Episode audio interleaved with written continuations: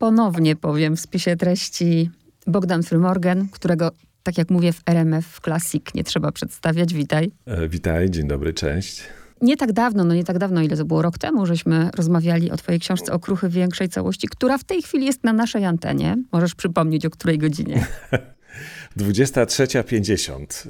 E, także to dla tych, którzy nie śpią albo już się obudzili. Także tak jest. Zapraszam oczywiście. I gorąco polecamy tę książkę. Jeśli chodzi o to, co mam w tej chwili w dłoni, mm, drodzy słuchacze, to jest niewielka książeczka, 35 stron, taka niepozorna, a o przeogromnym ładunku emocjonalnym. Myślę, że każdy czytając tę książkę odnajdzie się w swojej historii. Tytuł to Sena. Powiedz, coś o Senie. Sena, tajemniczy tytuł. E, można go odszyfrować w dwojaki sposób. To albo jest imię e, słynnego kierowcy Formuły 1, który zginął na torze wyścigowym, nazywał się Anton Sena, albo to może być nazwa leku na przeczyszczenie. I teraz, czym jest Sena? Sena to był mój pies, ukochana moja suka, która niedawno odeszła, a nazwał ją kiedyś mój syn, w ogóle nie zdając sobie sprawy z tego, że był kiedyś Anton Sena i ścigał się samochodami, nie wiedząc o tym, że na półce w aptece w Wielkiej Brytanii leży lek pod tytułem Sena. Nazwał ją Sena i tak już zostało. Przykleiło się to do, do, do tego naszego psiaka do samego końca i ten pies żyje w tej książce. 13 lat. Pięknie piszesz, bardzo tajemniczo zresztą, że Sena pojawia się w waszym życiu, w życiu waszej rodziny trochę jak plaster, żeby posklejać pewne rzeczy.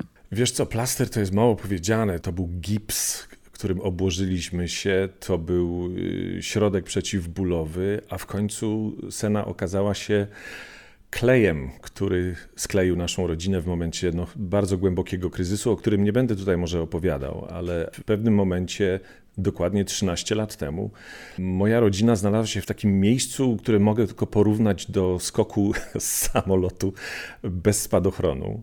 I wszyscy spadaliśmy na tą ziemię, wiedząc, że ta ziemia się zbliża i trzeba się było jakoś ratować. Każdy z nas się ratował na swój sposób. Nie mieliśmy jakiegoś specjalnie ustalonego wcześniej planu lotu, ani planu lądowania na tej naszej ziemi.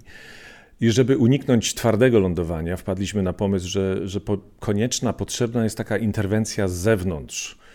I tą interwencją właśnie było pojawienie się psa. Najpierw wpadła na ten pomysł moja żona, i ja natychmiast dostrzegłem, że w tym psie, w tej senie, jeszcze wtedy nie wiedzieliśmy, jak będzie się nazywać, e, potencjalnie drzemie, czeka na nas e, jakiś ratunek. No i pojawiła się w naszej rodzinie mała psinka, która dosłownie w ciągu kilku tygodni tą rodzinę posklejała, nadmuchała tą miękką poduszkę, na którą wylądowaliśmy e, zupełnie bezpiecznie i przeżyła z nami 13 e, lat z hakiem, niedawno odeszła. No i ta książka jest jakby, jakby pożegnaniem, takim kroniką tego odejścia, pogodzeniem się ze stratą i może przygotowaniem tego czasu, jaki mamy już teraz w, w, sobie, nosimy ją cały czas w sobie, rozmawiając o niej, wspominając, ale ja osobiście musiałem to pożegnanie gdzieś tam y, zawrzeć na, na spisywanych kartkach. I bardzo dobrze, bo pomogło mi to rozstać się z nią, opłakać ją i ułożyć, czy też zrobić jej takie gniazdo na półce we mnie na której sobie już zawsze będzie siedzieć i, i, i, i wiesz, i ta strata w tym momencie nie jest taka bolesna. Ja cię doskonale rozumiem, kiedy ty piszesz, nie jestem jej właścicielem, brzydziłbym się takim układem, bo Sena to członek rodziny. Powiedz tylko, co mnie zaskoczyło, to to może, że mm, szybko napisałeś tę książkę, żeby to z siebie wyrzucić i też uwaga, zaczęło się pisać, jak Sena jeszcze żyje, ale wiesz, że odejdzie, bo patrzę tutaj na Kraków, Budapeszt, Syrakuzy 2022. Co mnie zaskoczyło, że jakby nie zdecydowałeś się, wiesz, opis, na opisanie, na jakieś wspomnienia, na jakieś impresje z życia z tą Seną, tylko właśnie opisujesz ten, ten koniec. Wiesz co, to była taka transmisja myśli, taki strumień świadomości, który no, no nie mogłem zignorować, że to we mnie nabrzmiewa i, i, musiałem to w jakiś sposób wylać. Ta książka rozpoczyna się rozdziałem, co mogłaś nie zauważyć, y, który jest w pełni cytatem z mojej pierwszej książki Okruchy Większej Całości, bo w tej książce również pojawia się scena i to jest ten pierwszy rozdział. Ja go po prostu wziąłem w całości i przetransponowałem do tej nowej książki, ponieważ ona już była wówczas takim ważnym okruchem mojego życia. a później stała się czymś niezwykle ważnym. 13 lat obecności zwierzęcia w życiu człowieka to jest olbrzymi kawał. No powiedzmy średnio żyjemy sobie te 75-80, jak ktoś ma szczęście, trochę dłużej. I tutaj mówimy, wiesz, o jednej piątej życia ludzkiego, co zostawia potężne piętno, olbrzymią radość, a później oczywiście przychodzi ten moment rozpaczy, który trzeba przekuć w coś pozytywnego, bo jeżeli on z taką intensywnością by w nas y, siedział, byłby takim pazurem, no to to, to zadrapanie byłoby jednak y, zbyt bolesne.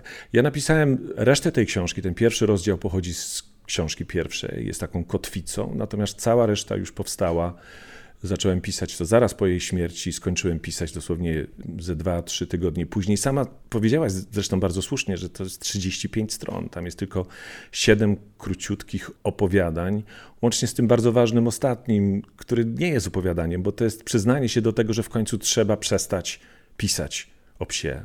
W końcu to pisanie musi stać się tylko myślą, a w końcu ta myśl musi, ma obowiązek stać się pamięcią. I tak się stało. W ogóle to jest mm, dla mnie trudna rozmowa, bo tak jak mówię, mm, rozumiem cię, ale chcę jednak podkreślić, bo o tym się jakby nie mówi, a to jest też ważne i pojawia się w twojej książce. Mianowicie to, jak zwierzęta, członkowie naszej rodziny, jak odchodzą. Często jest tak, że nawet jeżeli muszą odejść i nawet jeżeli jesteśmy z tym pogodzeni, zostawiamy psa za drzwiami, prawda? Opisujesz piękne pożegnanie, nawet głośno o tym teraz weterynarze mówią, że tak powinno się żegnać, prawda, tych bliskich. To zwierzę po prostu potrzebuje, żeby chociażby trzymać go za łapę do końca. Decyzja o tym, żeby pożegnać się z psem jest największym i najgłębszym wyrazem miłości do psa, czy do zwierzęcia, do kota, do, do konia, do, do, do czegokolwiek, co żyje z nami na co dzień. Jest to piekielnie trudna decyzja i ważny test i należy ten egzamin zdać z pełną odpowiedzialnością. Ja nie miałem pojęcia, jak to będzie wyglądać, ta nasza ostatnia wycieczka do weterynarza, ale jestem strasznie się cieszę, wręcz mogę powiedzieć, że jestem szczęśliwy z tego, że, że byliśmy, byłem z nią do końca i obserwowałem to jej odejście w takim najdrobniejszym, mikroskopijnym szczególe i chciałem to odejście w ten sposób y, zapamiętać. Zresztą chyba w książce porównuję to do takiego filmu przyrodniczego które zapamiętałem z dzieciństwa, kiedy się puszczało film w przyspieszonym tempie i, i, ten kwiat, który jest pączkiem, nagle stawał się kwiatem, e, rozkwitał, stawał się piękny, prawie pachniał na ekranie, po czym zaczął powoli więdnąć, aż w końcu te płatki opadały i umierał.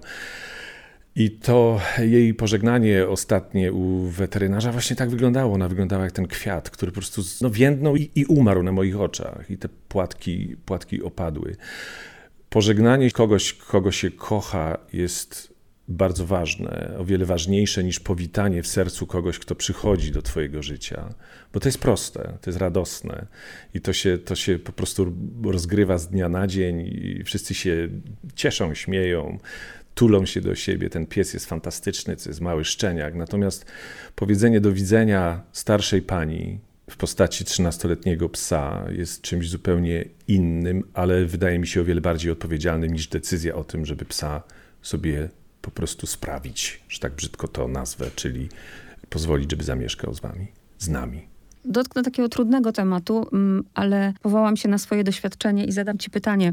Kiedy żona do ciebie mówi, chyba już pora, bo tutaj wprowadźmy, że dowiadujecie się, że Sena ma raka, nie decydujecie się na zabieg chirurgiczny y, i jeszcze ta Sena z wami w domu jest. Ja miałam sytuację, bo ja jestem kociarą, wielką kociarą i Mój pierwszy kot, kiedy zachorował, weterynarz poinformował mnie, to był 95 rok, weterynarz mnie poinformował, że no trzeba po prostu chodzić na zastrzyki. No więc ja chodziłam na te zastrzyki dosyć długo, bo to było około trzech tygodni. Po czym po trzech tygodniach kot był w takim stanie, yy, gdzie weterynarz, przychodzę, a weterynarz mówi, no przecież to od początku było wiadomo, że trzeba było to zwierzę uśpić. Ja powiem ci, zmagałam się do 2009 roku, nie miałam drugiego kota.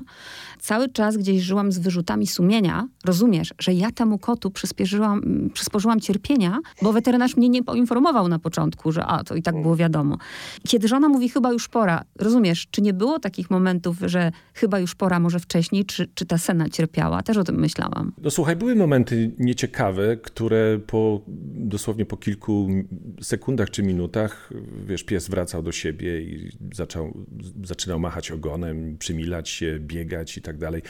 E, my faktycznie otrzymaliśmy dosyć e, druzgoczącą diagnozę jakieś 4-5 miesięcy wcześniej. Wiadomo było, że Sena ma dosyć spory nowotwór. Nie wiedzieliśmy, czy to jest nowotwór złośliwy, czy to jest nowotwór nie, niezłośliwy. W każdym razie było to coś, co w środku rosło i w pewnym momencie rozmiar tego czegoś, zakładając, że to był nowotwór niezłośliwy, był, będzie na tyle duży, że, że stanie się bardzo to dla niej niekomfortowe.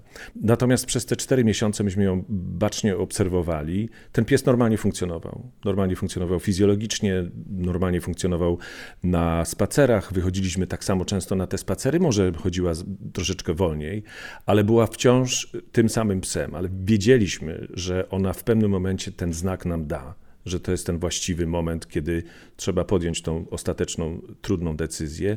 I kiedy to się stało, nie mieliśmy absolutnie żadnej wątpliwości. Tak ta chyba zaczynam jeden z rozdziałów, że chyba już pora. To już nawet nie było chyba, to na pewno była pora. To była tylko kwestia tego, w jaki sposób możemy sprowadzić do domu naszych synów, żeby się z nią pożegnali i to jak najszybciej. I, I, musieliśmy się szybciutko spakować do samochodu i mieliśmy już dawno przygotowany numer. To nie był numer, którego szukaliśmy, to był numer, który był zawsze pod ręką, żeby właśnie ten moment, kiedy ta pora przychodzi, żeby tutaj już nie było absolutnie żadnego przedłużania. Wiesz, wspomniałaś o swoim kocie, wspomniałaś o tym, co mówił weterynarz. Wiadomo, lekarze, weterynarze, oni są ze śmiercią otrzaskani, obznajomieni, wiedzą jak postępować, natomiast ta decyzja zawsze jednak należy do nas, czy w przypadku zwierząt oczywiście należy, należy do nas i to jest ta największa odpowiedzialność i podkreślam chyba naj, największy przejaw miłości, jaki można okazać zwierzęciu, żeby zrobić to we właściwym momencie i być z nim do samego końca, dlatego że to jest ten ostatni dar, jaki możemy mu, jej, kotu, psu podarować to, tą naszą obecność, żeby, żeby nie było większego stresu, że jest w nieznanym miejscu, w otoczeniu nieznanych ludzi, nagle pojawia się jakiś węflon w łapie, nagle pojawiają się jakieś strzykawki. My byliśmy do końca i błogosławię każdą sekundę tego końca piękną w ogóle, pięknie jej podziękowałeś. Piękne są też te zdjęcia, kiedy ja w ogóle patrzę w jej oczy, to widzę oczy człowieka, wiesz, to jest niesamowite. I wszystkie emocje ludzkie widzę w tych oczach. Napisałeś, że te zdjęcia są dopełnieniem. Napisałeś też, że tych zdjęć masz tysiące. Zastanawiałam się, czym się kierowałeś, wybierając tych kilka do tej książki. Prawie jakbym powiesił nad tymi zdjęciami takie wahadełko. Jeżeli to wahadełko szło w okręgu, to zdjęcie y, przyjmowałem i szło do książki, a jeżeli, jeżeli mówię oczywiście metaforycznie, jeżeli kiwało się w odwrotnym kierunku, to, to zdjęcie zostawało y, w katalogu. Ja mam tych zdjęć y, kilkaset. No, no, zwierzęciom w ogóle pisałem też wiesz, różnego rodzaju eseje o fotografowaniu zwierząt, dlatego że ja zawsze y, zwierzęta i senę fotografowałem jak ludzi. Zresztą jest taki moment chyba w książce, kiedy mówię, że właśnie umarł człowiek, bo, bo, bo, bo to była śmierć człowieka, no, członka rodziny, kogoś bardzo bliskiego, kogoś, który tylko z jakiegoś tam przypadku nie mówił ze mną ludzkim głosem i wybaczałem jej nawet w Wigilię, że się nie odzywała do mnie, aczkolwiek zawsze wiedziałem. Przepraszam, że ci wejdę w słowo, zacytuję to. No. Poszukuję w niej ludzkich cech, nawet więcej, szukam w niej człowieka. No zawsze szukałem w niej człowieka, fotografując ją, dlatego że ona mi dawała tyle, co człowiek, a, i starałem się jej oddawać to samo. No i potem ten trud pogodzenia się z, z odejściem człowieka, człowieka, który wciąż mówi o niej jako o człowieku, który, wiesz, pogodzenie się z tym, że, że to już nie jest ten sen na piętrze pod łóżkiem, tylko że to jest jej wieczna nieobecność i że jej już nie będzie. Ale ta książka pomogła mi w przeistoczeniu się z, z, wewnętrznie z kogoś, kto mógłby tego psa wiecznie opłakiwać, w kogoś, kto nosi ze sobą w sercu szczęście i wdzięczność za to, że ona z nami była aż tak y, długo, 13 lat i tyle dobrego nam dała, już nie mówiąc o tym, wiesz, początkowym ratowaniu rodziny i sklejaniu jej, o czym wspomniałem na samym, na samym początku, ale dała nam, wiesz, od tej zwykłej fizyczności, czyli, wiesz, kontaktów takich codziennych, od, od tulenia się z nią, no wiesz, ja się z tym psem tuliłem jak, jak z dzieckiem. I jeszcze tutaj scena mi dała coś niezwykle ważnego, o czym nie wspominam w książce, ale wspomnę o tym w mojej następnej, która gdzieś tam już sobie czeka na, na publikację. Sena w pewnym sensie, jej, jej odchodzenie było takim awatarem odchodzenia i śmierci mojej matki, bo to się działo prawie równolegle. Wiesz, moja matka mieszka w Polsce, ja mieszkam w Londynie, a nie mogłem z nią być na co dzień. Natomiast zdawałem sobie doskonale sprawę, że to, co się z mamą dzieje, dokładnie się działo to samo, co się działo z Seną. I w, i i w ludzkich latach ta Sena była w wieku mojej matki. I ta moja matka umierała w Polsce, ta moja Sena pod moim okiem umierała jako ten awatar u mnie w domu w Londynie. I ja często myślałem tak równolegle właśnie o, o tych dwóch odchodzeniach. Moja matka wyprzedzi, wyprzedziła Senę o kilka miesięcy, a potem już, już Sena dokończyła tę swoją ostatnią prostą pod moim okiem i w gabinecie weterynarza. Także jest wiele takich, wiesz, to bardzo wielowarstwowa opowieść, której nie, nie, chciałem jakiś za bardzo rozwijać. Zależało mi na tym, żeby intensywnie napisać o tym, co czuję i zawrzeć to w tych siedmiu króciutkich opowieściach i zakończyć tą książkę. I w sumie też jestem wdzięczny, bo, bo takiej książki nie można pisać wiecznie. Jak ten kwiat, który wiesz, rozwija się w przyspieszonym tempie i, i potem więdnie. Ona, ona musi zaistnieć. Fajnie, że jest, fajnie, że będzie leżeć sobie na półeczce, ale to nie jest też opowieść, którą chciałbym kontynuować wiecznie, bo takiej rany nie należy rozdrapywać na siłę. Ona niech się, niech się bliźni, niech się goi i niech żyje we mnie jako ta nowa taka tkanka. I tą nową tkanką jest pamięć o Senie. Oczywiście ja o niej będę pamiętał.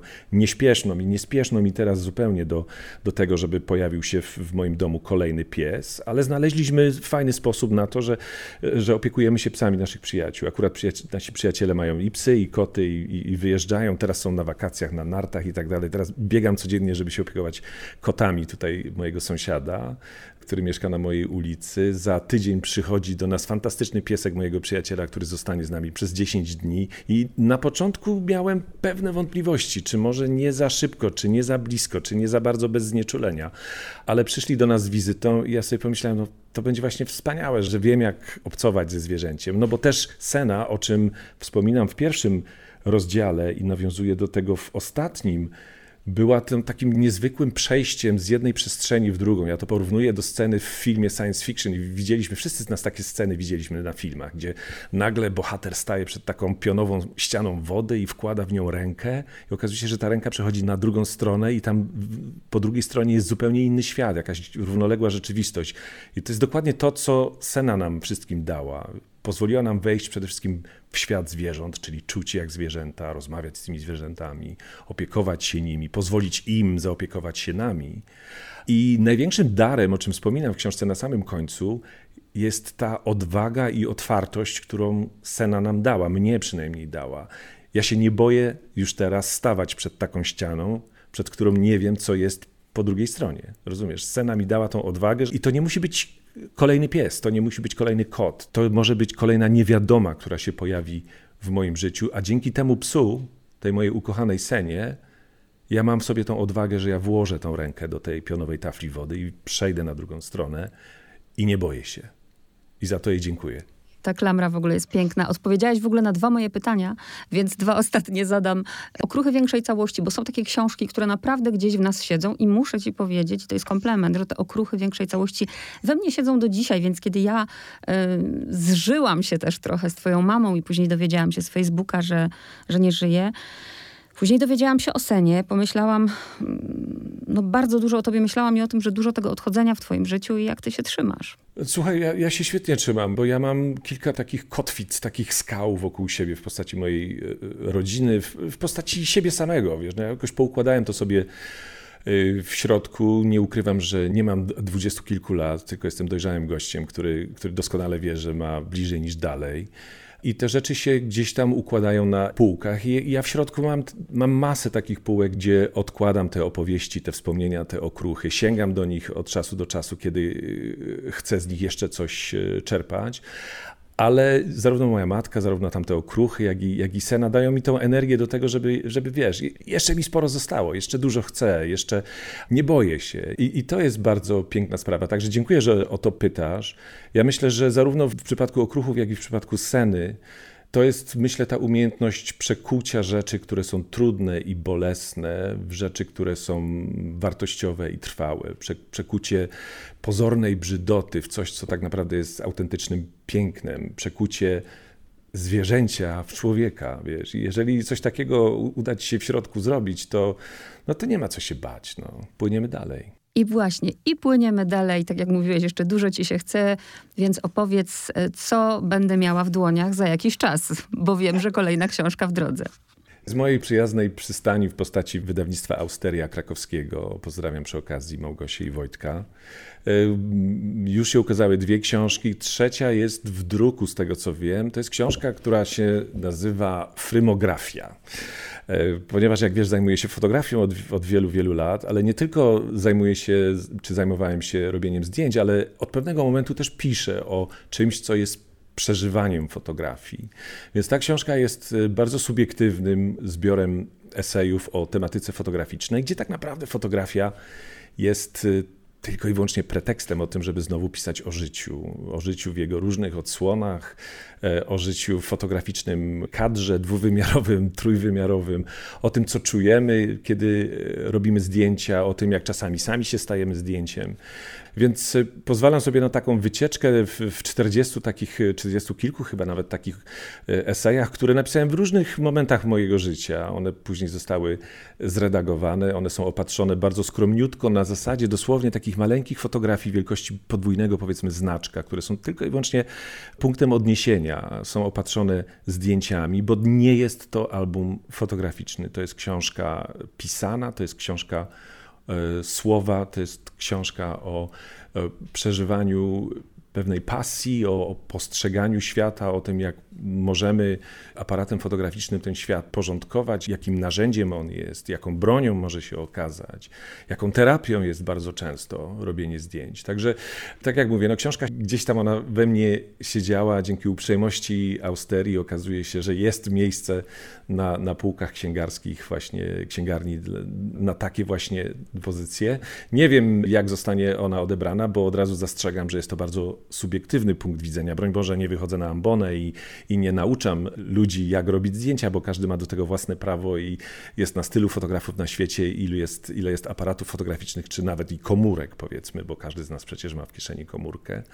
Ale jest to pewna wizja dla ludzi, którzy chcą się zagłębić w temacie. I bardzo fajnie i bardzo sympatycznie się to pisało i redagowało, dlatego że stanąłem w miejscu, gdzie ponownie musiałem się skonfrontować z tym, co czuję, jeśli chodzi o robienie zdjęć, o przeżywanie tej fotografii, w jaki sposób one mogą z nami dłużej przebywać, mają wiele odsłon, niektóre kadry się pojawiają w przeróżnych odsłonach, bo na przykład moje zdjęcia zrobione kilkanaście lat temu gdzieś tam trafiają na jakieś okładki książek, czy na, na plakaty festiwali muzycznych i, i, i tak dalej, gdzie, gdzie nagle okazuje się, że zdjęcie jak kot, ponieważ jesteś kociarą, może mieć więcej niż jedno życie i każde z tych żyć można w odpowiedni sposób w sobie jakoś ponownie przeżyć, odłożyć, cieszyć się z tego. Także e, książka w druku, mam nadzieję, do miesiąca powinna być. Tytuł Frymografia, nie, nie ukrywam, że, że już sam tytuł zdradza, że to jest coś bardzo subiektywnego, ale nie będę za to przepraszał. W takim razie mi pozostaje powiedzieć e, do usłyszenia. Bogdan Frymorgan był w spisie treści RMF Classic. To ja Ci bardzo dziękuję i do usłyszenia, mam nadzieję, niebawem.